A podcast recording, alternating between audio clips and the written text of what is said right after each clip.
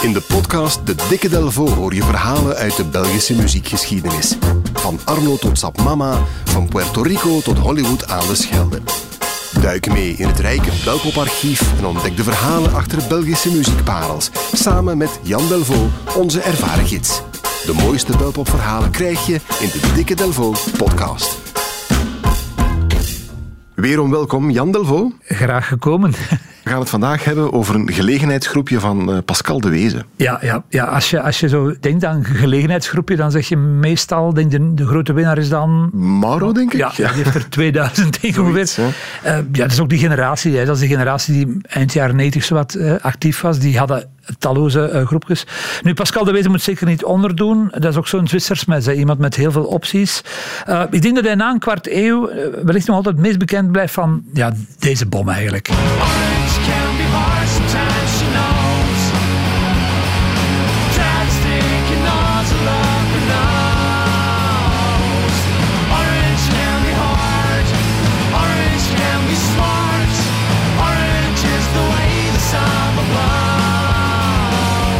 Soms draai ik eens een vijfje hier of daar en dat werkt nog altijd Orange van Ja, dat is onze, onze ja. Smells Like Teen Spirit ongeveer, denk ik. Ja, misschien wel. Ja, ja ik sprak onlangs nog met iemand die in die periode, um, uh, was die, uh, werkte bij MTV in Londen. En ze waren toen wild van deze, maar ze waren ook toen wild van dit nummer. Dus het blijft echt wel uh, fantastisch. Maar... We kunnen het bij hem over veel bands hebben. Ja, het zijn er veel. Hè. Metal Molly, maar je hebt ook Suki Love gehad. Je hebt... Uh, Broken Glass Heroes. Broken Glass Heroes, daar zat ik aan te denken. Ja, voilà. Dan heeft hij twee jaar geleden nog een, een, een soloplaat gemaakt, uh, Cult of Yes. Dus hij is dan ook nog producer van talloze uh, groepen. Dus die man is zeer, zeer sterk bezig. Nu, tussen de, al die dingen staat een, een, een plaat te blinken van, en ik hoop dat ik het juist zeg, Chitlin Folks. Chitlin Folks, ja. Chitlin Folks. Ja. Uh, ja, iets countryachtig. Ik ben het gaan opzoeken. Jij bent Engelskundiger dan ik, denk ik. Heb je enig idee? Het moet uit de country komen. Het is een, een, een countrygroep. Ja, die folks, het schrijft F-O-O-K-S, maar het hm. verwijst naar volks. Het zijn mensen. Mhm. Mm -hmm. En Chitlins zijn uh, zo de, de afvalsnijseltjes van het vlees eigenlijk. Dus zijn arme mensen. Arme, arme mensen, ja. ja, ja. Ik vind dat jij, met, uh, dat jij met documentaires moet gaan becommentariëren op Canvas over het zuiden van Amerika. Die Chitlin Folks is een, een samenspel van Pascal de Wezen en uh, Carol van Dijk. En dat is ook zo'n quizvraag, Carol van Dijk. Dat is eigenlijk zo, ja, een, een Nederlandse uh, dame die bij ons, denk ik, bijna even bekend als in Nederland. Ze is de frontvrouw van Betty Serveert. Weet je nog van waar die naam komt? Want dat vond ik altijd zo'n grappige naam. Dat is, nee, eigenlijk. Ik denk dat Betty, en dan moet ik uit mijn hoofd na, Betty Steuven is of zoiets. Dat was een, een tennister. En, en, een van de beroemdste tennisters. Zo'n beetje de, de Kim Kleister of de Justine Henin van Nederland. Zo de eerste beroemde tennisvrouw. Ah, dus je serveert eigenlijk vooral tennisballen. Voilà, ja, ja, ze serveert geen koffie of dat soort. Maar het gaat eigenlijk over een tennister die uh, opslaat. Maar ik vond dat een fantastische band destijds. Vooral voor dit nummer.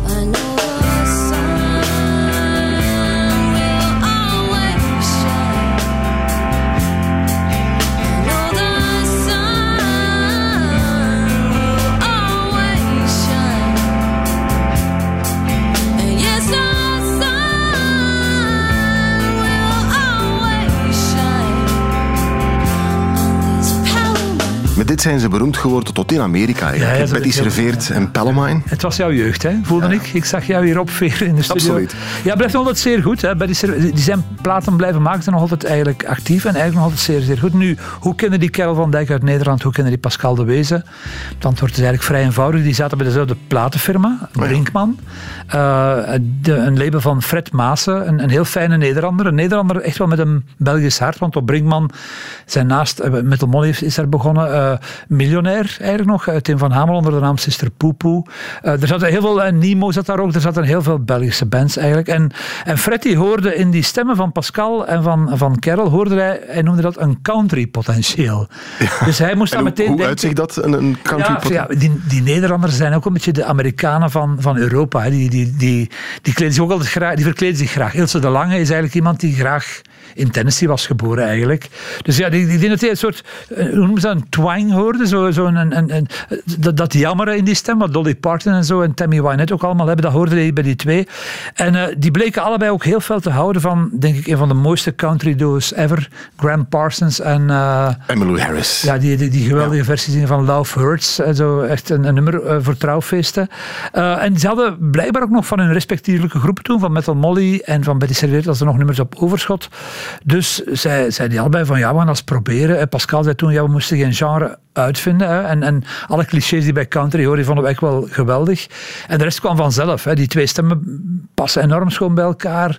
Uh, de, de, nummers, alles, de melodieën. Dus voilà, ze volgden gewoon hun hart, zoals hij zei. Ze hebben daar nog, nog heel, heel goede muzikanten uh, bij gehaald. Toch een aantal mensen die, uh, van hun generatie die bij de betere behoorden.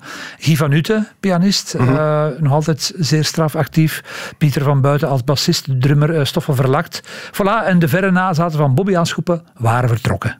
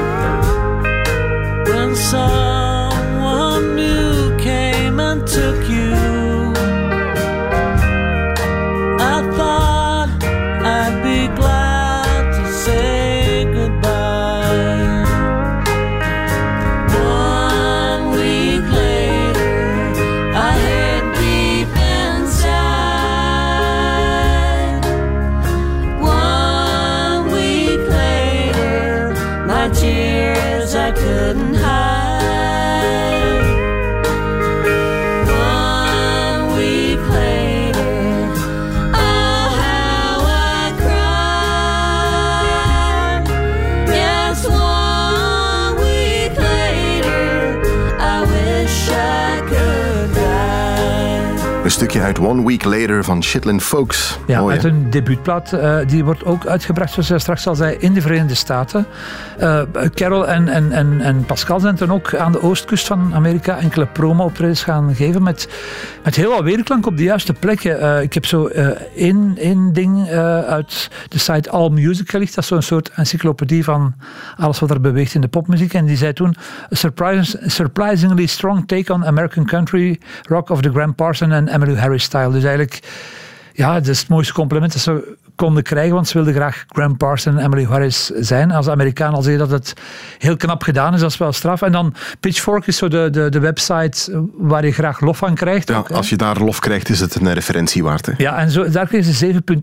Dus dat is- Dat is niet slecht. dat is geen slecht cijfer voor niet-Amerikanen. Nu, ik- dit- ze hebben nog een tweede album gemaakt, Did It Again. En dat vind ik eigenlijk wel beter, omdat dat, ze gaan iets, ietsje weg van country. Eh, het is wat gevarieerder eigenlijk. En op die eh plaats van een nummer dat ik eigenlijk volledig wil laten horen, omdat het zo mooi is. En dat is geschreven door, raad door wie? Door Mauro, de koning van de samenwerkingen. Mauro Pavlovski. Ja, Mauro kan zeer, zeer veel We eigenlijk. gaan luisteren naar Almost Too Close. Wat is er met hen gebeurd eigenlijk? En ze zijn gestopt omdat ze eigenlijk hun eigen weg wilden gaan. Ze zo'n een mooi country-einde. en Ze verdwijnen aan de einde, zoals Lucky Luke ook. Hè, het van elk album. Ja. Zo zijn ze eigenlijk eh, weggegaan van Chitlin Folks. Oké, grasprietje in de mond. eh, op Jolly Jumper. Je rijdt de einder tegemoet. De zon gaat onder en je hoort dit Chitlin Folks en Almost Too Close. Bedankt, Jan. Graag gedaan.